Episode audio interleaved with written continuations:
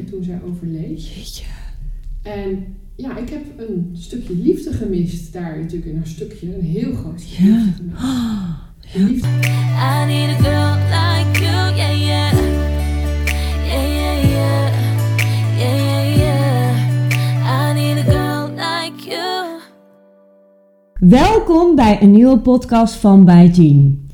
Tegenover mij zit Yvonne, Yvonne Laurent. Wat houdt jou bezig nu op dit moment? Ja, nou, Wat- mij op dit moment eh, echt bezighoudt, het komt ook, moet ik zeggen, eh, door corona. Ja, Ik moet niet meer over corona hebben, maar... Snap ehm, ik.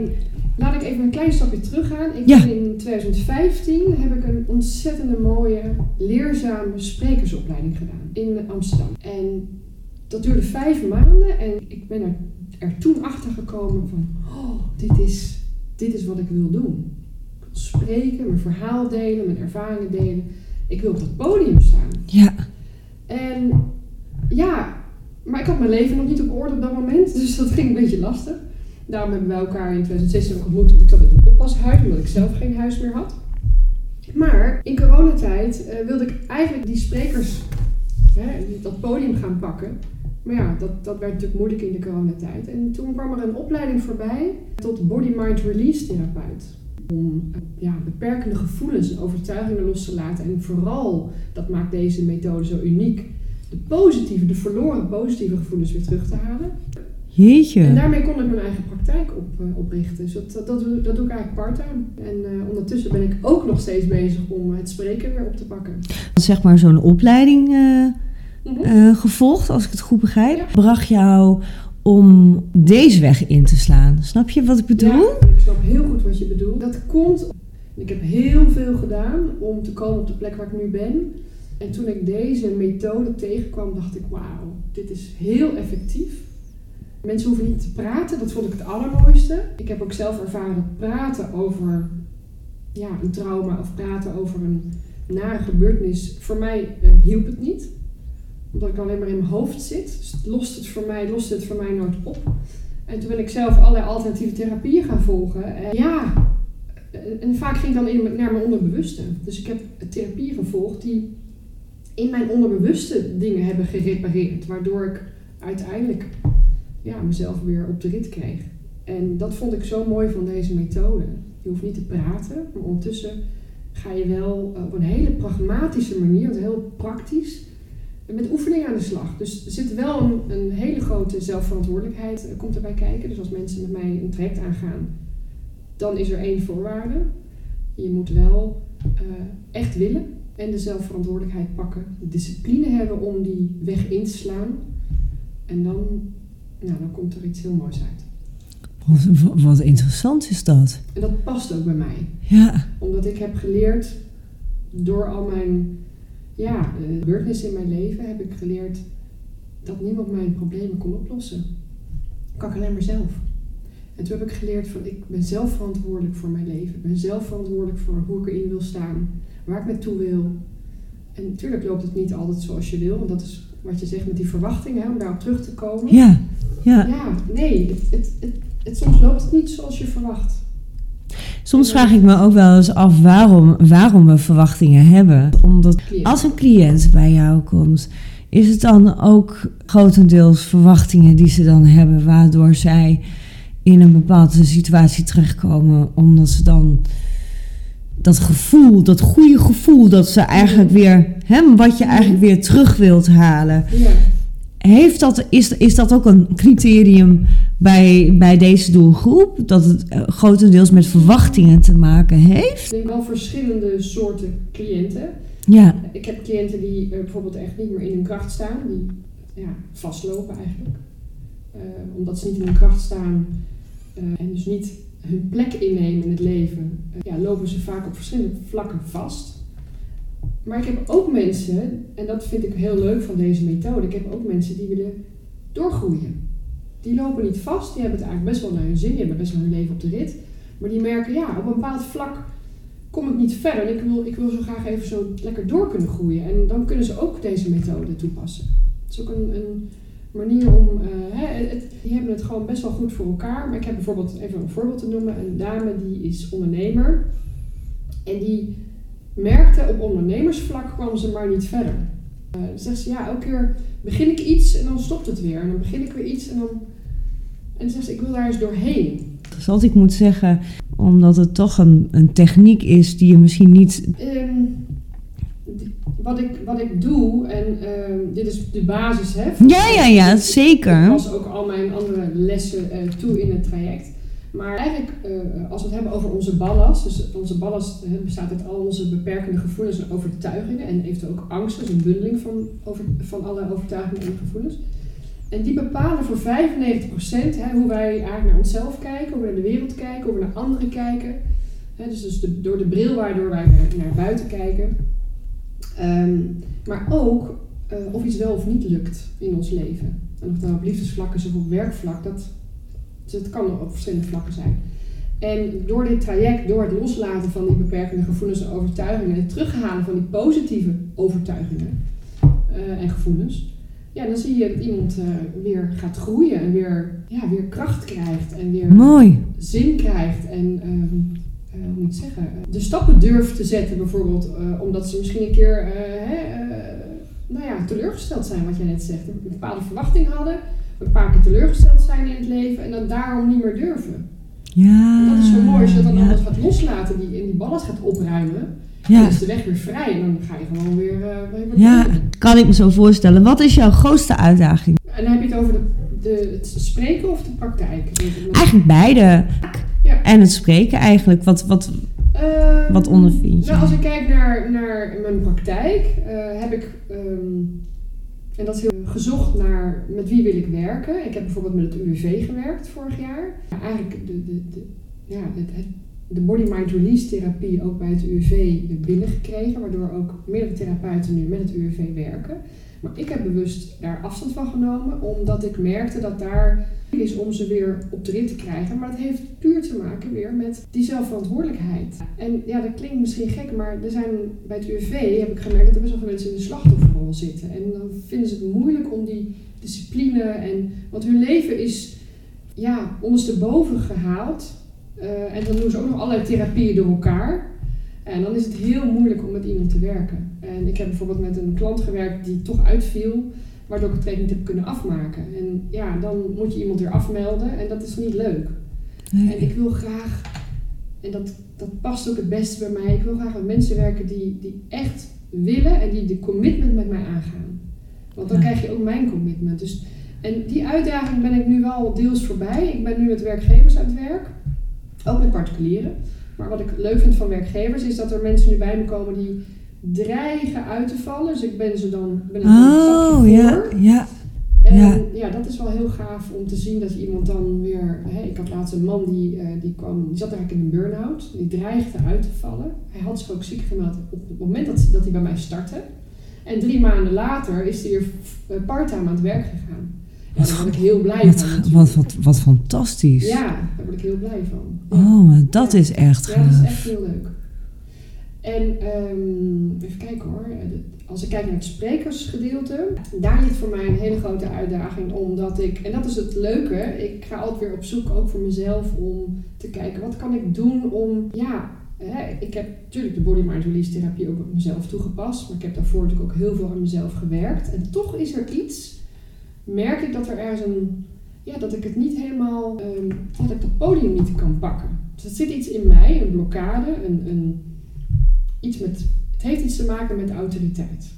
Ik weet dat er ja, qua authenticiteit bij mij niet veel mis is, maar wel met autoriteit. En dan ga ik ook weer zoeken. Dus ik heb toevallig aanstaande donderdag heb ik eh, afgesproken met een, een dame waar, bij wie ik de opleiding heb gedaan van de spreeksopleiding. En met haar ga ik, een, ga ik systemisch werk doen. Dan ga ik eens kijken van wat zit er bij mij nu nog om verder te ontwikkelen. Dus dat zijn uitdagingen voor mij. Ja, want autoriteit, ehm, is dat dan een trigger die bij jou wordt opgewerkt? Kan ik het zo Ik zien? ja, een bepaalde trigger dat jij, dat heeft het met meer of minder voelen te maken, denk je? Nou, het heeft te maken met. Ik sta in mijn kracht, Mhm. maar ergens is er iets wat ik, ja, wat ik lastig vind om, om, om te gaan staan voor wie ik ben, blijkbaar ergens. Voor wat ik waard ben. Het heeft Oh, ook ja. te maken met geld. Ja, ja. Eh, Ik heb in het verleden wel lezingen gegeven, best wel veel.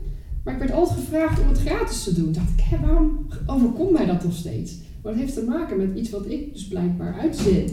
Ja, en, Ja, ja, en dat probeer ik nu voor mezelf. eh, Dat is een uitdaging voor mij nu. Ja. Ik ben ook nog absoluut aan het leren. Hè. Ja. is, dat is hartstikke leuk. En dat is, vind ik het allerleukste. dat, je staat erachter, dan straal je dat uit en dan sta je er ook. En dan. Sta je er ook van, nou, dit ben ik waard. En je betaalt het of niet. Precies. En als je niet wil betalen, dan ben ik misschien, zijn wij geen match. Of dan Ja. ben jij niet mijn doelgroep. Ja. Of als ik je een beetje goed, eh, goed begrijp.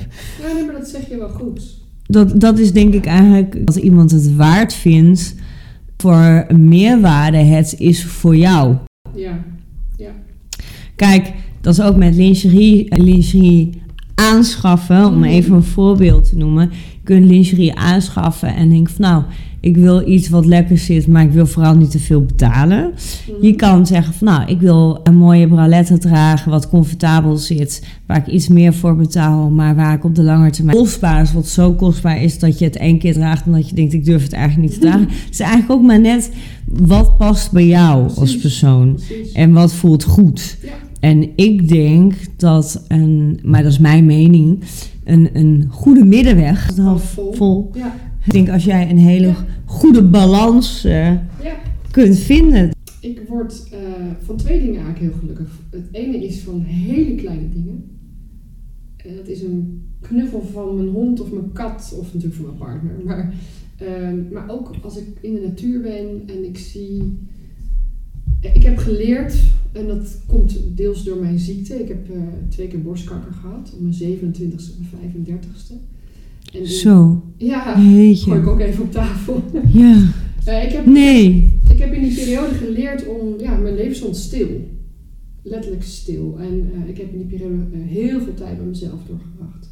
Ik heb heel veel gewandeld in de natuur. En toen zag ik ineens iets wat ik daarvoor nooit zag.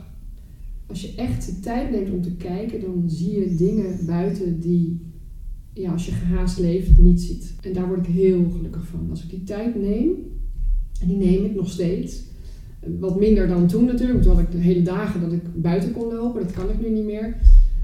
Maar het liefst, tuurlijk, ik loop heel graag met mijn hond, maar ik loop ook heel graag alleen. Omdat ik dan niet afgeleid ben, dan kan ik me echt puur op die, op die, op die natuur richten. En dan kan ik, als zie ik de, de, de nerven in een blad, of ik zie, eh, kijk in de ogen van een zwaan eh, die voorbij komt, dan kan ik echt stilstaan. Of eh, wat het ook is, sneeuwklokjes, of welk moment in het jaar ook, maakt niet uit. Ik zie altijd iets heel moois in de natuur. En ik zie ook hoe krachtig de natuur is. Je kunt een boom helemaal kappen en, en dan zie je op een gegeven moment weer wat er groeit. Dan denk ik, wauw, hoe snel dat dan gaat. Ja, mooi is dat Ja, eigenlijk wat je zegt. Zo mooi en daar haal ik mijn kracht ook uit. Onder andere. Wel heel mooi. Ja, Soms hebben we eigenlijk alleen maar een buiten nodig om gelukkig te zijn. De natuur vertelt Ja. me zoveel. En daar heb ik zoveel van geleerd. Ja, Eh, dat ik als ik niet lekker in mijn vel zit, of ik weet iets niet, of ik heb verdriet, of ik, ik weet niet wat, of ik zie het even niet waar ik naartoe moet. Ik ga de natuur in alleen en dan ga ik wandelen en dan ga ik zitten en dan ga ik staan en dan ga ik kijken en dan ja, ik word er zelf eigenlijk wel een beetje rustig van. Maar dat komt ook omdat ik helemaal voel wat jij eigenlijk, eh, eigenlijk zegt. Ik voel het een beetje. Ik heb, ik heb precies hetzelfde als jij. Ik, heb, ik geniet van hele kleine dingen. Eigenlijk heb ik alleen maar een. Ja, ik heb eigenlijk alleen maar een buiten nodig. En, eh, en verder eigenlijk niet zo heel veel. Dus Nee, dat, dat is dat echt zo. En gelukkig en hoe dankbaar ik ben met wat ik heb. Hmm. En dat ik eigenlijk kijk naar wat ik heb en niet wat ik niet heb. Juist, dat is het. Dat, dat is eigenlijk een beetje wat, wat fijn. Ja. Nu ik, er over, nu ik met je over spreek, dan, dan ja. Soms als je, als je het hardop uitspreekt, weet je dat ook? Ja, dat klopt. Maar je zegt het goed. En dat is de focus, hè. Eh, niet kijken wat je niet hebt, maar wat je wel hebt. Ja, En als je dat weer even bewust terughaalt of ziet. Ja, ik heb gewoon water. Ik kan gewoon een warme douche nemen s ochtends. Het klinkt allemaal heel vanzelfsprekend. Maar als ik me daar dan weer op focus, dan, ja, dan ga ik, verhoog ik ook mijn energie weer. En dan voel ik me ook weer een stuk beter. En dan, en dan, en dan leg ik letterlijk die focus niet op wat ik niet heb, maar op... Ja, dan komt die dankbaarheid. Dan, Ja. voel ik me een stuk lekkerder, ja. Gelukkiger. ja gelukkiger. Ja. Omdat je dankbaar bent met wat je hebt. En Precies. Ook, ik denk dat liefde ook een hele grote, misschien is dat wel Mm. de sterkste aantrekkingskracht. En als ik dan kijk dat, gewoon even om een voorbeeld te noemen, Mhm. eh, als mijn moeder een, een bos bloemen geeft en die wordt daar zo blij mee, dan denk ik, oh, dan word ik helemaal gelukkig. Omdat ik haar, dat ik dan, ja, omdat je dan zo dankbaar bent. Dat brengt me eigenlijk ook op de volgende vraag. Het op en top vrouw zijn. Voor mij is op en top vrouw zijn jezelf accepteren zoals je bent. En dan heb ik het niet alleen over het deel, eh, het psychische deel. Jezelf wel eens terugroepen. En oké, hoe kan ik dingen anders doen? Dus zelfreflectie vind ik heel belangrijk. Maar en lichamelijk ook, ja. Ik heb mijn borsten laten verwijderen. Eh, Ik heb trouwens jouw mooie BH aan onder nu. Heel Ja. fijn, het zit, het zit echt lekker. Ik heb hem al, hoe lang heb ik hem nou aan? Anderhalf Nou ja, ja, ja. Nou, ik heb het idee dat ik hem niet aan heb, dus het zit heerlijk. Kijk, en dat zijn ondersteunende middelen die je kan, Ja. kan aandoen. Maar voor mij is op en top vrouw zijn 100%. En dat, is, dat wordt heel makkelijk gezegd. Alleen ik heb in 2016, dus toen ik in dat huis zat waar wij elkaar ontmoetten, daar heb ik mezelf geleerd om van mezelf te houden. En dat is een proces geweest waar ik echt iedere dag voor de spiegel ben gaan staan. En iedere dag mezelf heb aangekeken. En iedere dag heb gezegd, hardop, in mijn eigen gezicht, dat ik, ik hou van je. Alleen ik nam mezelf toen niet serieus. Denk, ja, wat ben ik nou aan het doen? Sta ik hier in mijn eentje voor de spiegel in de badkamer? Ik denk, moet ik het nou echt op deze manier doen? Nou, dat was echt de enige manier. En op een dag, dat duurde echt een paar weken, op een dag ging ik weer met alle goede moed voor die spiegel staan. En toen gebeurde er iets. Want toen nam ik mezelf ineens serieus. En toen viel er een soort rust over mij heen. En ook een acceptatie. En dat gevoel was zo groot toen ik heel jong was. Ik was negen toen zij overleed. Jeetje. En ja, ik heb een stukje liefde gemist. Daar natuurlijk in haar stukje. Een heel groot stukje Ja. liefde gemist. De liefde van mijn moeder. En het is niet dat ik het er kwalijk heb genomen, maar ik miste een heel groot deel liefde. En toen, ik dat, toen die dag dat zo binnenkwam, dat de liefde die ik mezelf gaf, oh, ik, ik voel het gewoon weer in mijn buik. Toen dacht ik, wauw, Nou, ik voel hem ook. niemand mij, Oeh. niemand kan mij dit stuk liefde geven behalve mezelf. En ook mijn moeder, eh, dat hele deel wat, dat, wat ik miste, dat werd gewoon in één keer opgevuld. Ja, door mezelf. En ik moet altijd aan een eh, uitspraak van Oprah eh, denken. Want die zegt op een gegeven moment in een. Ik, je kan hem ook opzoeken op YouTube. Ze zit in een, in, een, in een show en dan heeft ze iets wits aan. Ik weet niet meer. Ze zit op een gegeven moment. Dan zegt ze van. Oh, I'm so full of myself. I'm so full of myself. Dat vinden mensen dan gek dat ze zo. eh, die vinden haar dan soms arrogant. En dan zegt ze ja. I'm so full of myself. En dan geeft ze eigenlijk het advies van I love myself so much that my cup is running over, zegt ze dan. En nou, dat is Ja. wat gebeurde. Dat klopt inderdaad. En toen kwam ik erachter, nou, maar nu kan ik ook liefde aan anderen geven. Oh, jeetje. Ja, anders kan je geen liefde aan iemand geven. Je moet eerst in overvloed de liefde voor jezelf voelen. En dan kan je er, kun je ook liefde geven aan een ander. En nu heb ik er zoveel van dat ik, ja, dat is ook mijn, mijn droom. Hè, dat, ik, dat ik graag eh, andere vrouwen eh, wil meenemen in deze reis, onder andere. Ja. Nou, heel mooi. eh, heel mooi. Ja. Ik vind het wel knap dat je dan vanaf je negende levensjaar, dat je zonder moeder bent. eh, Ja, dat was heel pittig. En ik Opgegooid. Heb haar heel, lang- heel vaak gemist. Ja, heel het, lijkt me, het lijkt me een beetje, ja, ik, ik, kan me natuurlijk proberen een voorstelling van te maken, maar het lijkt me soms ook wel ergens ondraaglijk. Ja, dat, dat was het natuurlijk ook. En, en zeker Echt, in moeilijke periodes. Ja.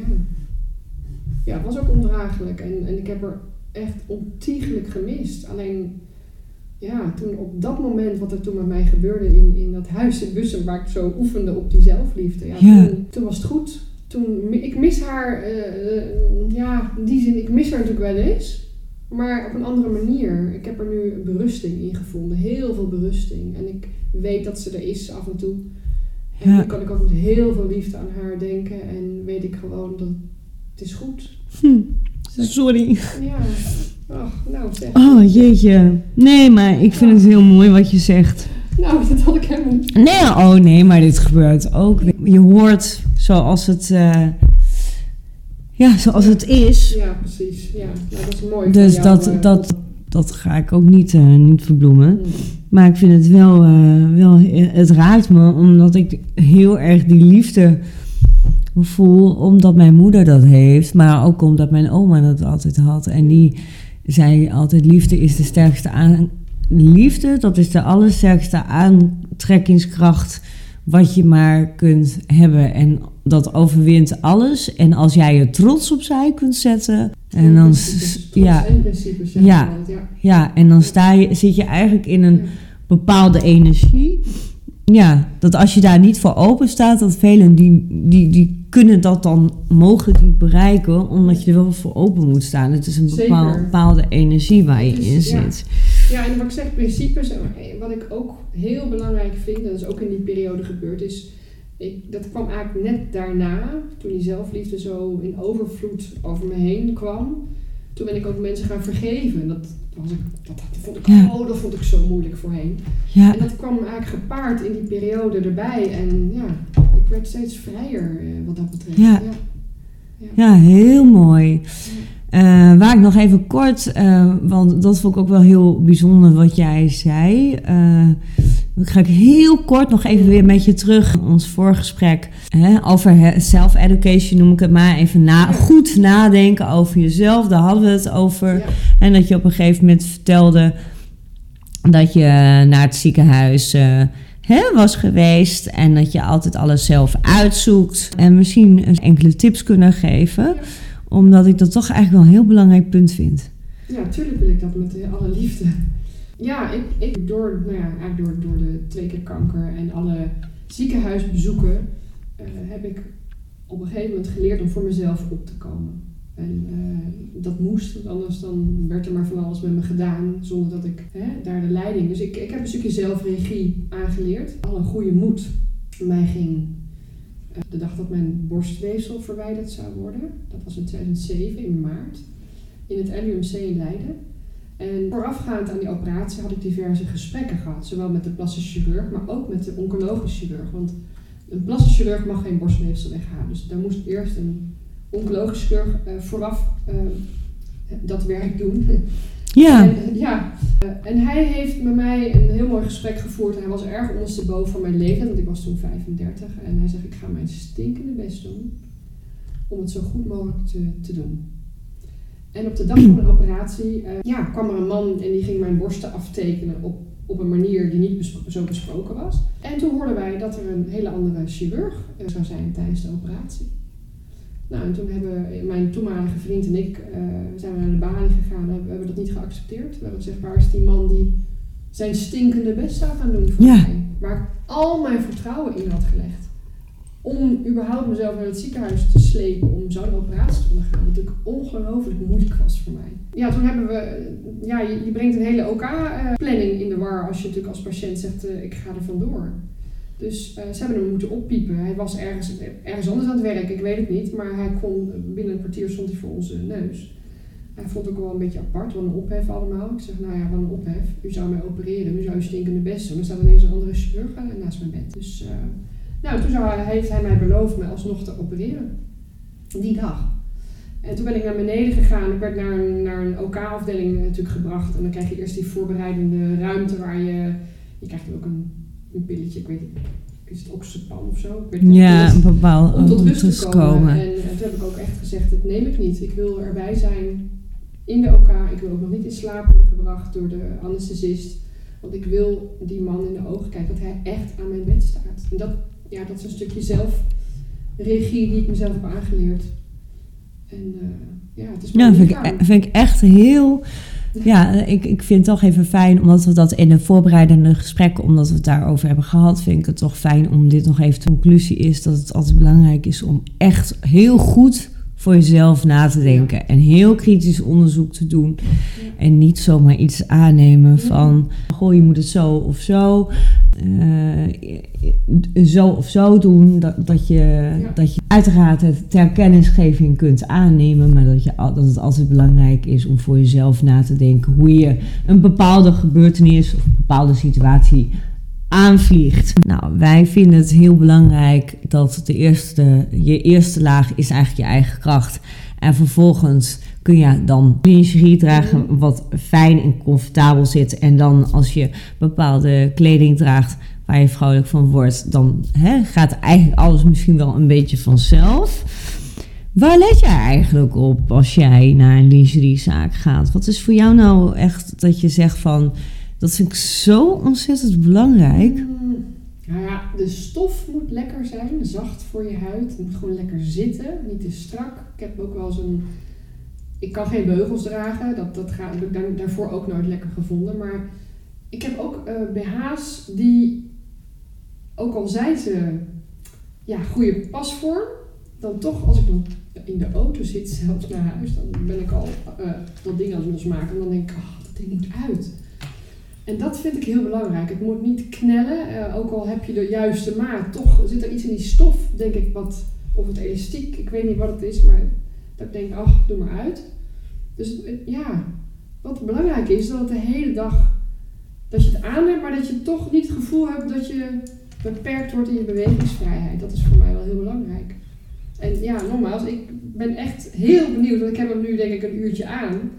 Maar ik voel hem bijna niet. Dus ik ben heel benieuwd. Ik ga je dat laten weten uiteraard. Ja, ik ben heel Ik ben benieuwd. Ja, hoe ik dit ga ervaren. ja. Nou, dankjewel. Ik ben heel blij, want Ja. er zijn, eh, zijn velen met jou die dat inderdaad ervaren. En ik vind dat echt heel fijn. Want dat, ehm, ja, dat miste ik eigenlijk ook op de markt. En dat is mijn re- reden ook waarom ik onderzoek eh onder dames ben gaan, eh.